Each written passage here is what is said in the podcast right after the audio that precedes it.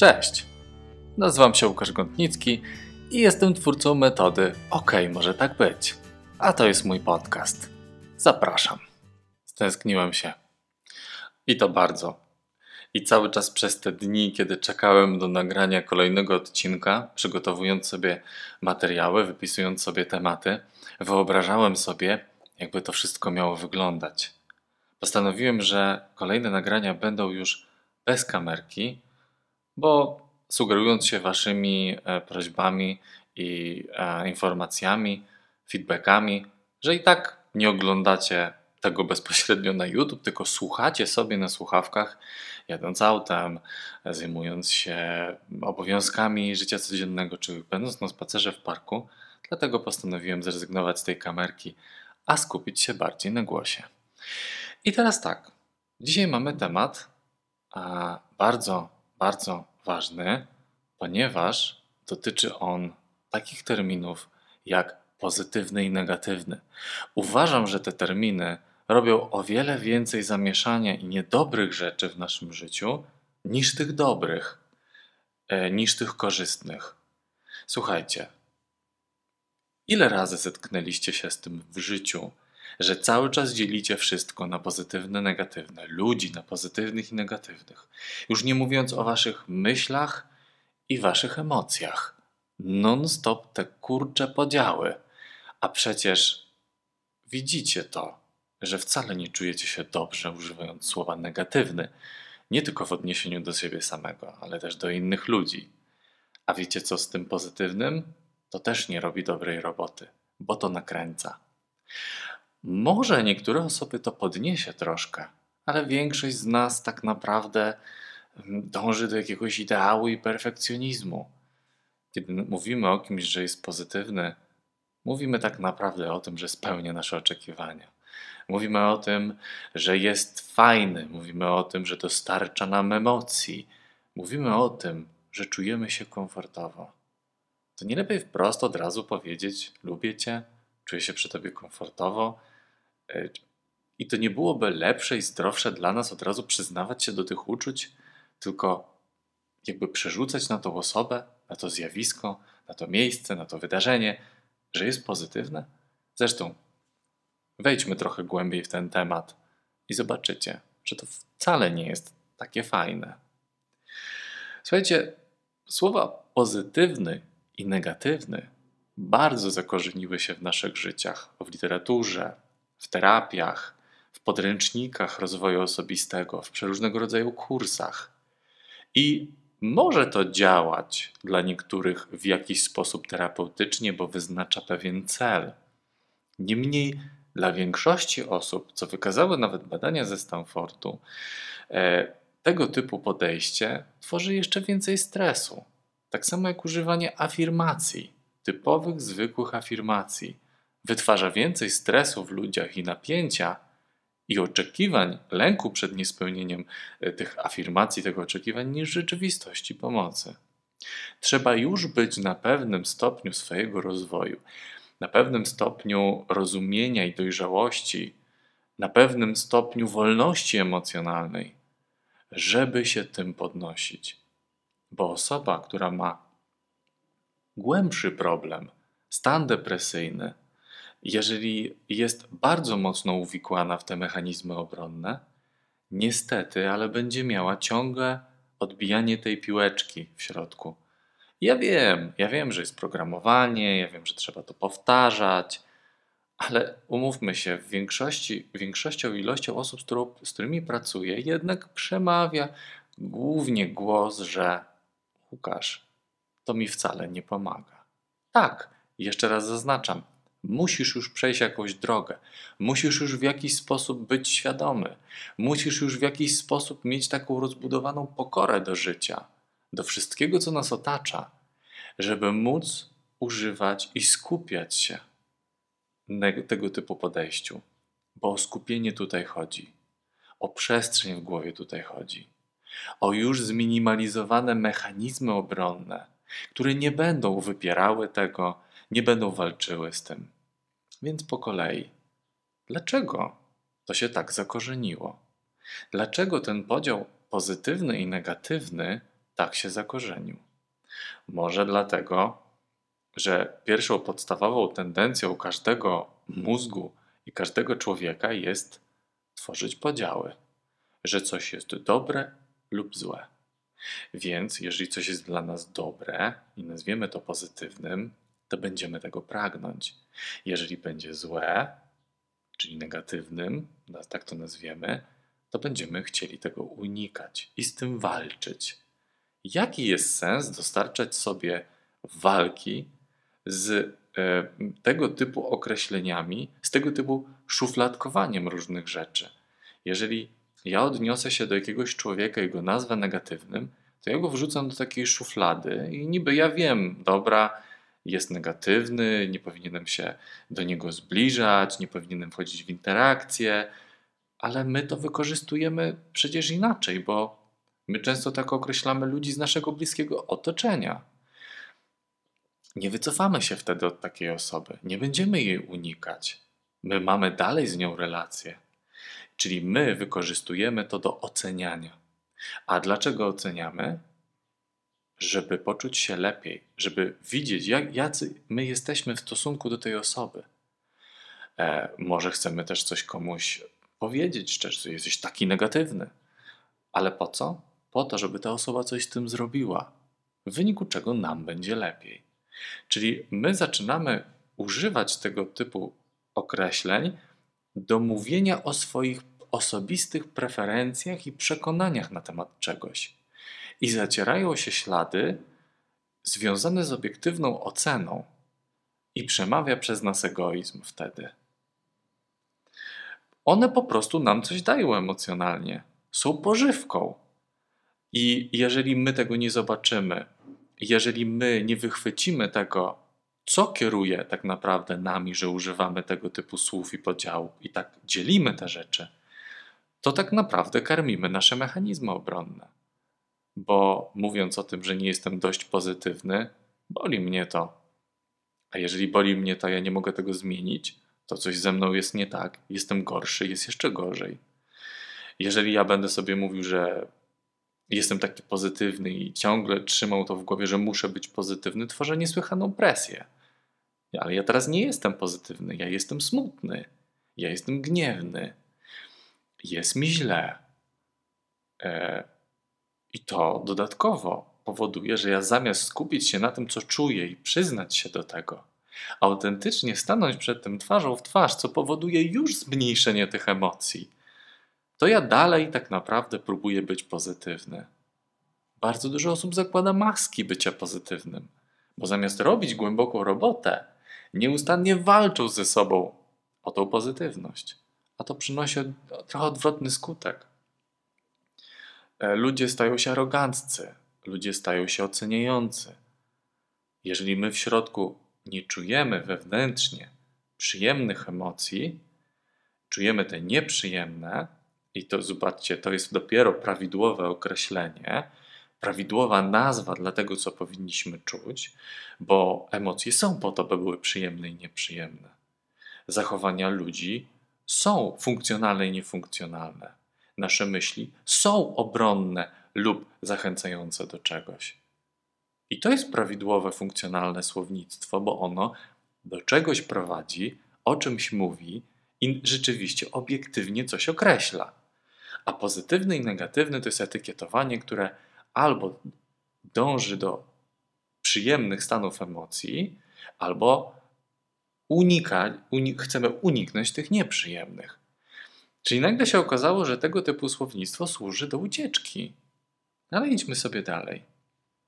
One dają nadzieję czasem, bo jak komuś tylko brakuje choć odrobinę, żeby pójść dalej i się będzie tylko skupiał na tym właśnie, żeby mieć tą postawę otwartą, mieć tą postawę taką ekspansywną, być proaktywny, to on to oczywiście wrzuci do pudełka i uogólni to słowem pozytywny, ale on będzie miał coś na myśli, mówiąc pozytywny. Natomiast osoba, która nie jest świadoma tego i ciśnie się cały czas na, ten, na tą pozytywność, robi sobie krzywdę. Więc słowo pozytywne stało się zbyt dużym uogólnieniem rzeczy, które mogą być funkcjonalne, ale przez to słownictwo mogą zostać zatracone. One dają nadzieję, ale z drugiej strony podsycają perfekcjonizm. Wiecie, ile razy ja w swojej pracy spotkałem się z sytuacją, kiedy ktoś mówił mi, Łukasz, boję się, że nigdy nie będę dość pozytywny, że nigdy nie będę miał dość pozytywnych myśli, że nigdy nie będę miał dość pozytywnych emocji. A ja się pytam tej osoby, ale po co ci to? A ta osoba mówi, no, żeby mieć pozytywne życie. I ja się tak przyglądam i myśli mi się, kurczę, jak my mamy wyprane mózgi. A ja się go pytam, co to znaczy pozytywne życie? A ta osoba tak nagle się zatrzymuje i zastanawia się, kurczę, nie zastanawiałem się nad tym. A ja mówię, to już czas, bo inaczej funkcjonujesz w bardzo dużym poziomie uogólnienia, który będzie ci sprawiał tylko trudności. No i wspólnie się zastanawiamy, co to znaczy mieć pozytywne życie. No i ta osoba mówi, no takie dobre, takie bezproblemowe, takie, że wszystko się układa. I teraz słyszycie tą nieprawidłowość? Jak to życie bez problemów? Jak to życie, w którym się tylko wszystko układa? To nawet na filmach tego nie ma. To jest iluzja. To jest perfekcjonizm. To jest ogromna presja.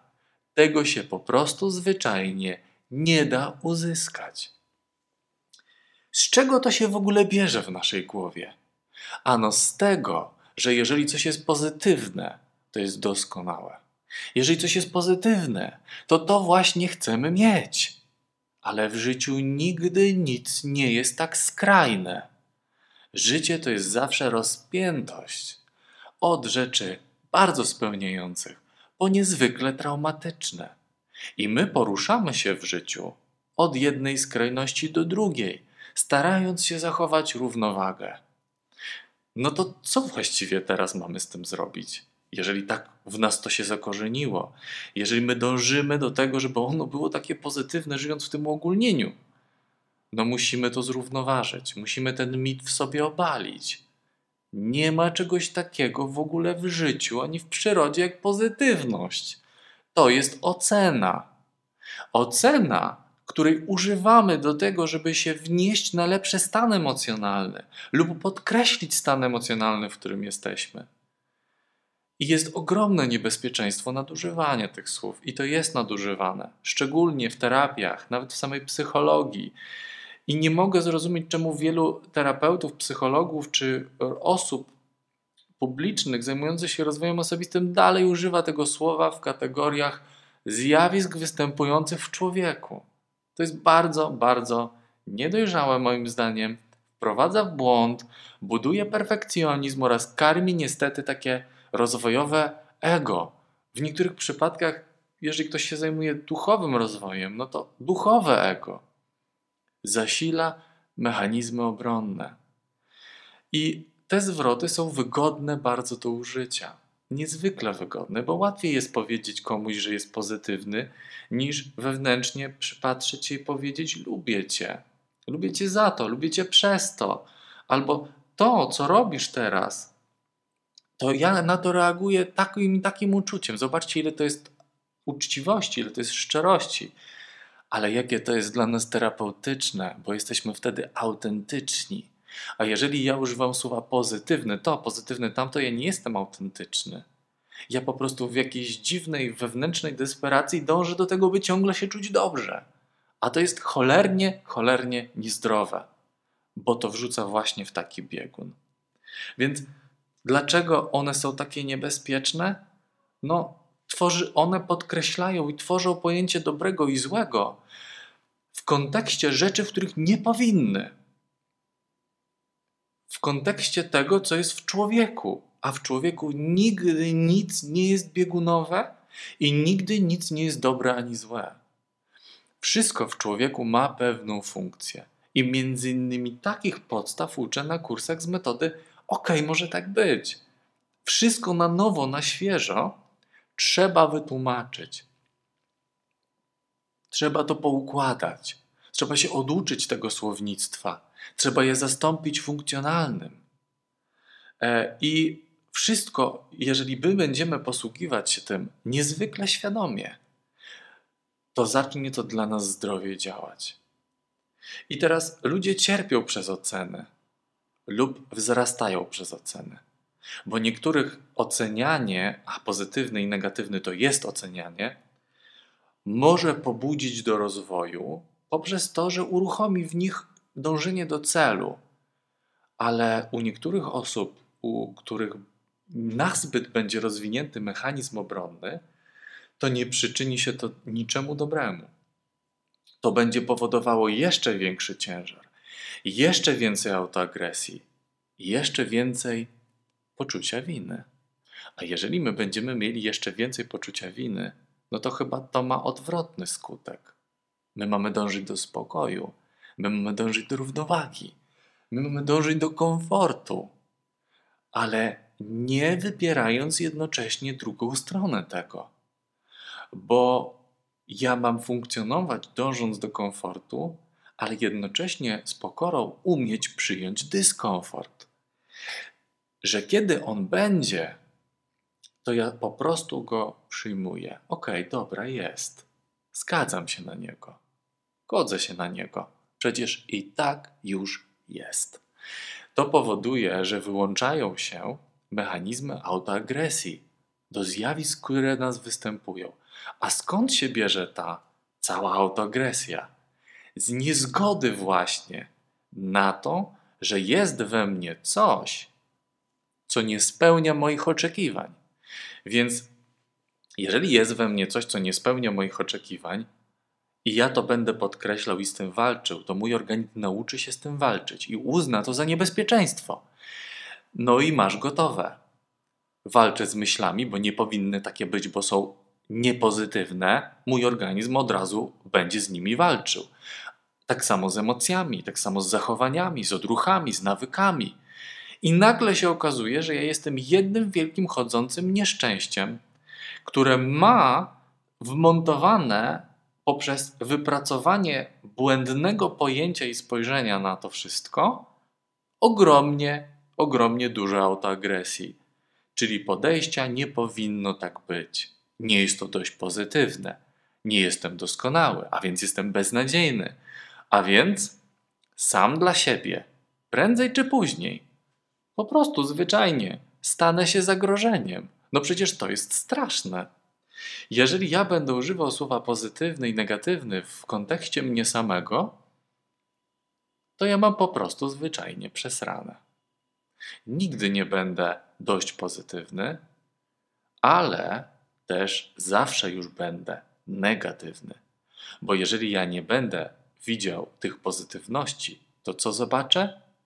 Niepozytywność, a więc negatywność. Dlatego, mój drogi słuchaczu, zaprzestań, bardzo Cię proszę, to jest bardzo korzystne. Zaprzestań posługiwania się słowami pozytywny i negatywny w kontekście własnego rozwoju i w kontekście zjawisk występujących w Tobie. Ponieważ jeszcze raz podkreślam, nic, ale to absolutnie nic nie jest w Tobie złego, ale też nie jest dobrego. To wszystko, co w Tobie jest, po prostu jest i ma swoją funkcję. Emocje mają być przyjemne i nieprzyjemne, bo dzięki nim Twój organizm chce Ci powiedzieć, co toleruje, a czego nie toleruje, czego chce, a czego nie chce. Finalnie, co traktuje za zagrożenie, a co traktuje za możliwość. Więc jeśli Ty masz jakąś nieprzyjemną emocję, która w Tobie jest, względem czegoś, to to znaczy, że Twój organizm traktuje to coś jako zagrożenie. Jeżeli Ty dowalisz do tego i ocenisz i będziesz budował w sobie to ocenianie tego nieprzyjemnego, to automatycznie Twój organizm będzie traktował to nieprzyjemne jako dodatkowe zagrożenie dla Ciebie. I naprawdę nie trzeba wiele czasu, żebyś sam się dla siebie instynktownie stał zagrochodzącym zagrożeniem. I wtedy właśnie i wtedy właśnie pojawiają się zaburzenia lękowe, stany depresyjne. Wtedy właśnie pojawiają się problemy egzystencjalne. Po co jest życie? Po cholery ja mam żyć? Jaki jest sens tego życia? Takich pytań nie zadają osoby, które czują się dobrze spokojnie, lub które sobie bardzo dobrze radzą z tym, co niespokojne w nich. One po prostu wiedzą, no tak, to we mnie jest, ale ja muszę znaleźć na to sposób. A nie, że ja sobie już z tym wszystkim nie radzę, nie jestem dość pozytywny, jestem taki negatywny. To wina moich rodziców, to wina mojego otoczenia. Tyle błędów popełniłem. Po co żyć? Tylko człowiek, który nie radzi sobie w życiu, tylko człowiek, który nie radzi sobie z emocjami, tylko człowiek, który nie radzi sobie ze samym sobą, zacznie mieć problemy egzystencjalne. Człowiek, który czuje się komfortowo i świetnie sobie umie w krótszym czasie czy dłuższym czasie poradzić ze swoimi emocjami, nie ma takich rozterek.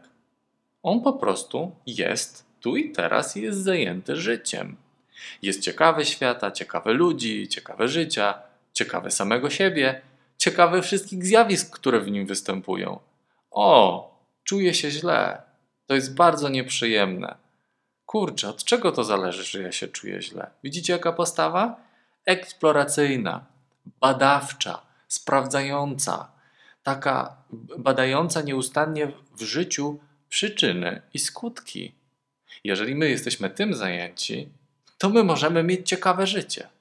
Ale jeśli my jesteśmy zajęci ocenianiem i walką tego, co w nas, co w innych, e, co było i ktoś jest winny temu, że ja tak mam, to ja mam, jeszcze raz podkreślam, zwyczajnie przerąbane. E, słuchajcie, to po prostu nie daje nic dobrego. Od czego to zależy? Jeszcze raz, że my cierpimy od mechanizmów obronnych. Dlaczego one są aktywne? Bo organizm nie czuje się bezpiecznie. I nie czuje się bezpiecznie bardziej w proporcjach niż czuje się bezpiecznie. Z czym nie czuje się bezpiecznie? Z relacjami, z pracą, w relacji z samym sobą, związek, marzenia, przeszłość, przyszłość.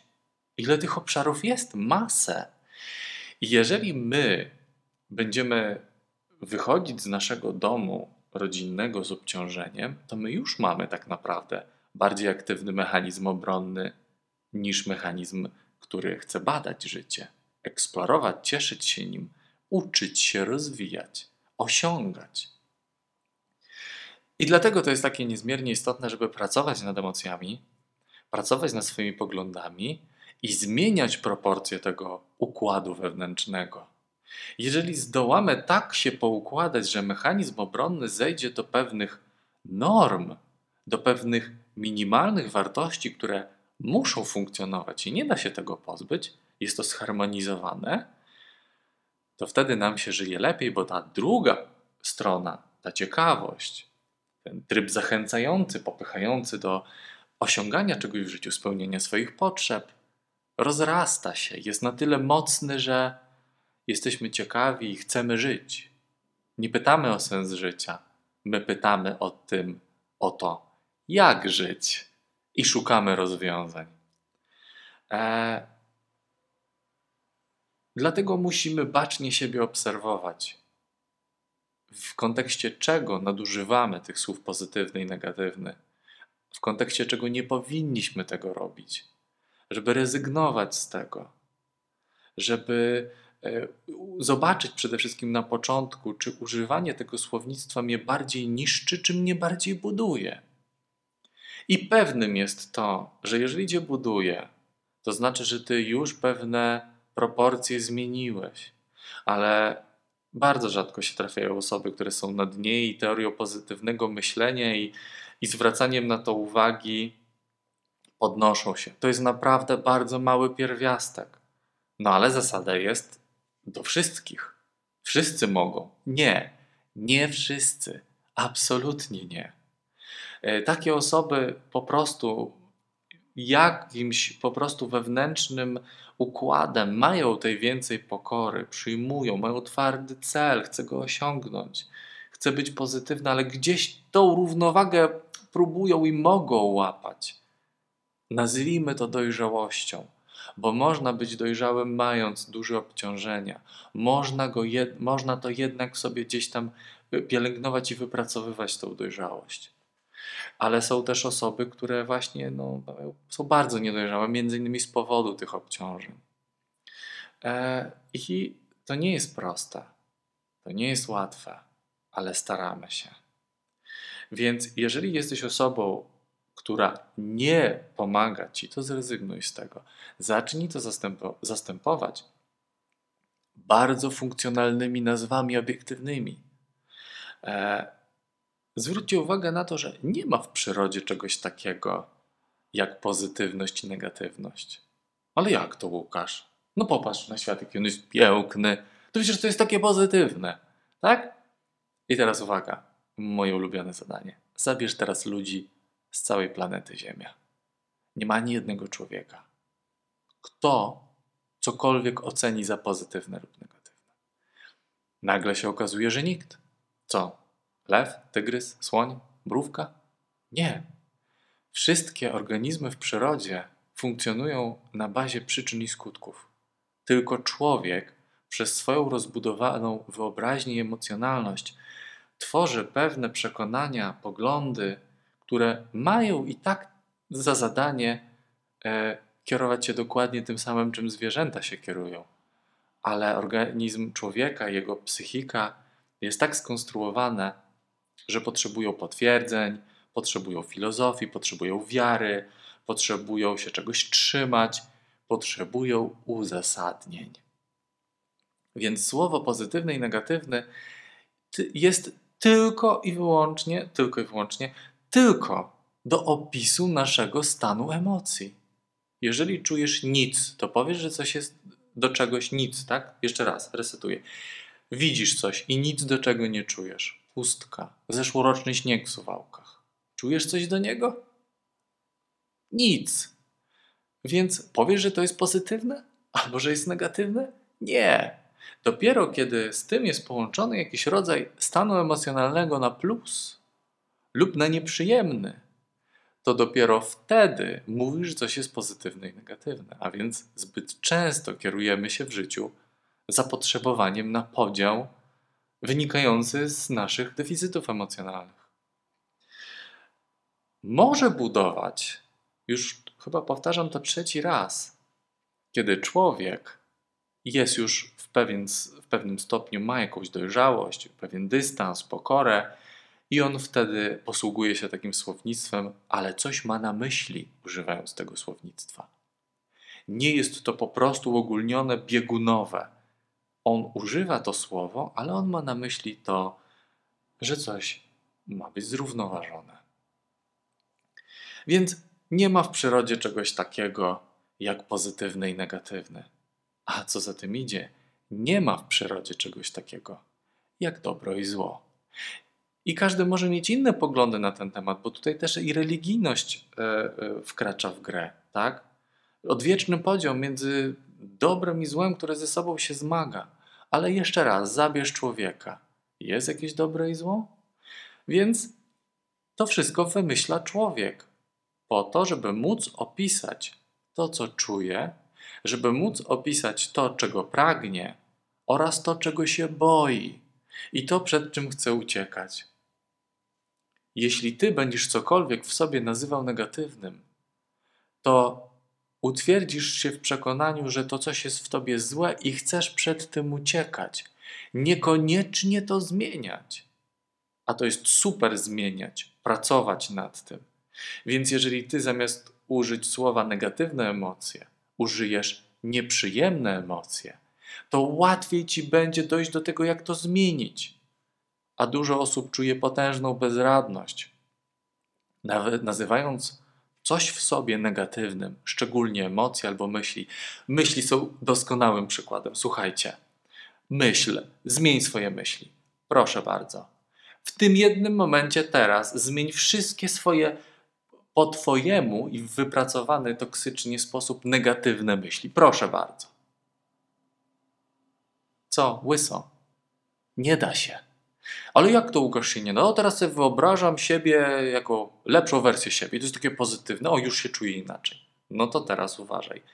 Ty nic nie zamieniłeś. Ty uciekłeś.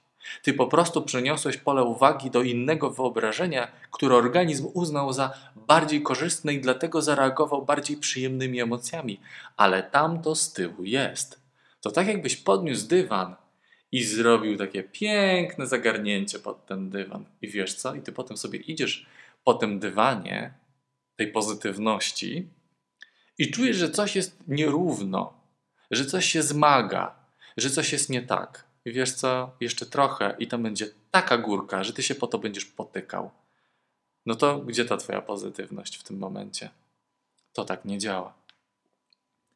Dlatego koniec z nazywaniem czegokolwiek w sobie negatywnym. Koniec z nazywaniem w sobie czegokolwiek pozytywnym. I w innych ludziach tak samo.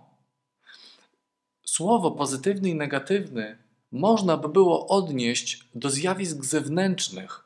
Pogoda, kwiatek, e, nie wiem, niebo, e, splot wydarzeń, ale mając na myśli tylko biegunowo tą przyczynową skutkowość tego wszystkiego i tego, że masz na myśli o tym, że to jest coś, czego pragniesz.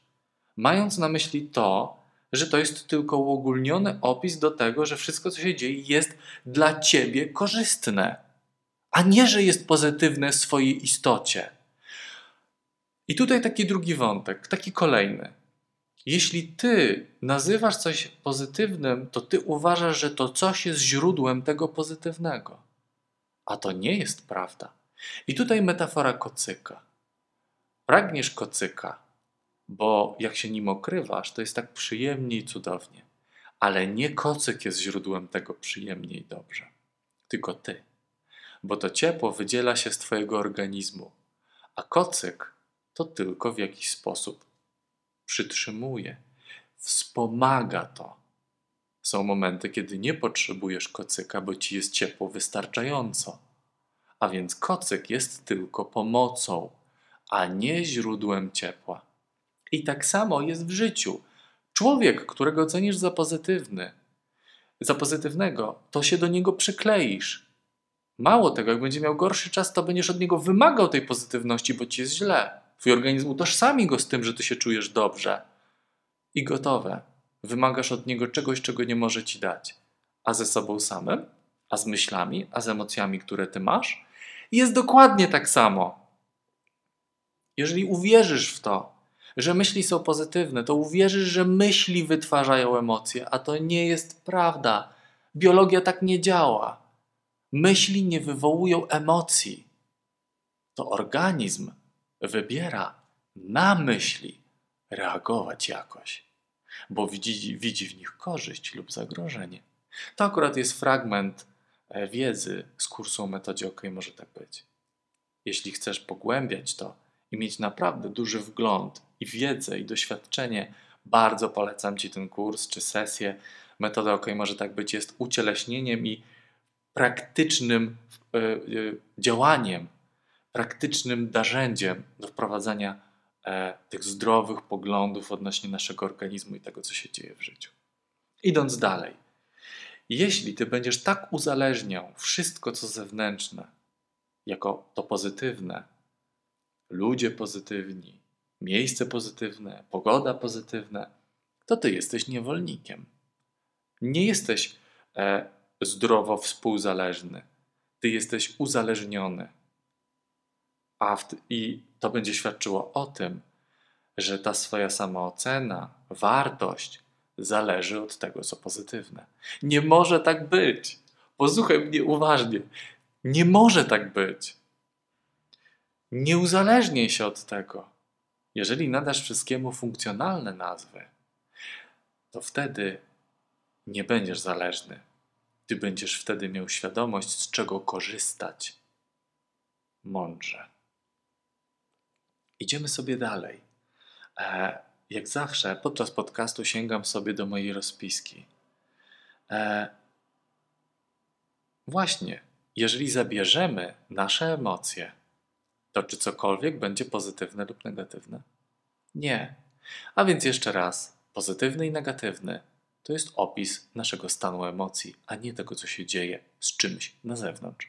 Myśli nie są pozytywne ani negatywne i nigdy nie były. One są po prostu czystymi informacjami wrzucanymi przez mózg do części, nazwijmy to, ciebie świadomej, która dzięki temu może rozpoznać, czy coś jest korzystne lub nie. A emocje to jeszcze bardziej wyraźnie podkręcają, podkreślają i nadają czemuś konkretny wyraz, czy do czegoś dążyć, czy od czegoś uciekać. I po to są przyjemne i nieprzyjemne emocje.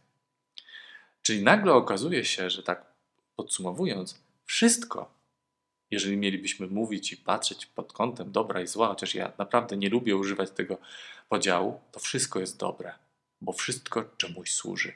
A teraz odstawmy ten podział i powiedzmy sobie, wszystko po prostu jest. Po prostu i czemuś służy. Więc albo to służy Tobie poprzez to, jak się z tym obchodzisz, albo Ty służysz temu, bo jesteś kompletnie nieświadomy i automatyczny. I tak wygląda życie wielu z nas. Zamiast być świadomym tego, co się dzieje i z tym postępować odpowiednio, my jesteśmy automatyczni i to nie my mamy mózg, tylko mózg ma nas.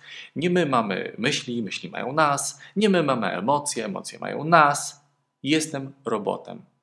I ta osoba, która najmocniej krzyczy, że ja nie będę nad sobą pracował, bo ja wtedy nie będę sobą, to ona najbardziej potrzebuje pomocy. Ona najbardziej jest automatyczna. Ona najbardziej boi się wyjść z automatów, bo to jest takie wygodne. To jest takie piękne nie brać za siebie odpowiedzialności. I najbardziej zaburzone osoby są największymi przeciwnikami pracy nad sobą, rozwoju osobistego, terapeutyzowania siebie. Czują, że nie muszą, że nie potrzebują, a tak naprawdę chcą powiedzieć: Nie chcę. Dlaczego nie chcę? Bo się boję.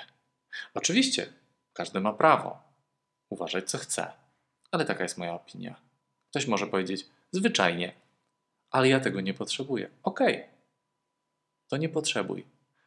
Ale jeżeli obwiniasz ludzi i świat za to, jak się czujesz, za to, jak ci nie wychodzi w życiu, za to wszystko, jak, jak ty zmagasz się ze sobą, hmm, powodzenia.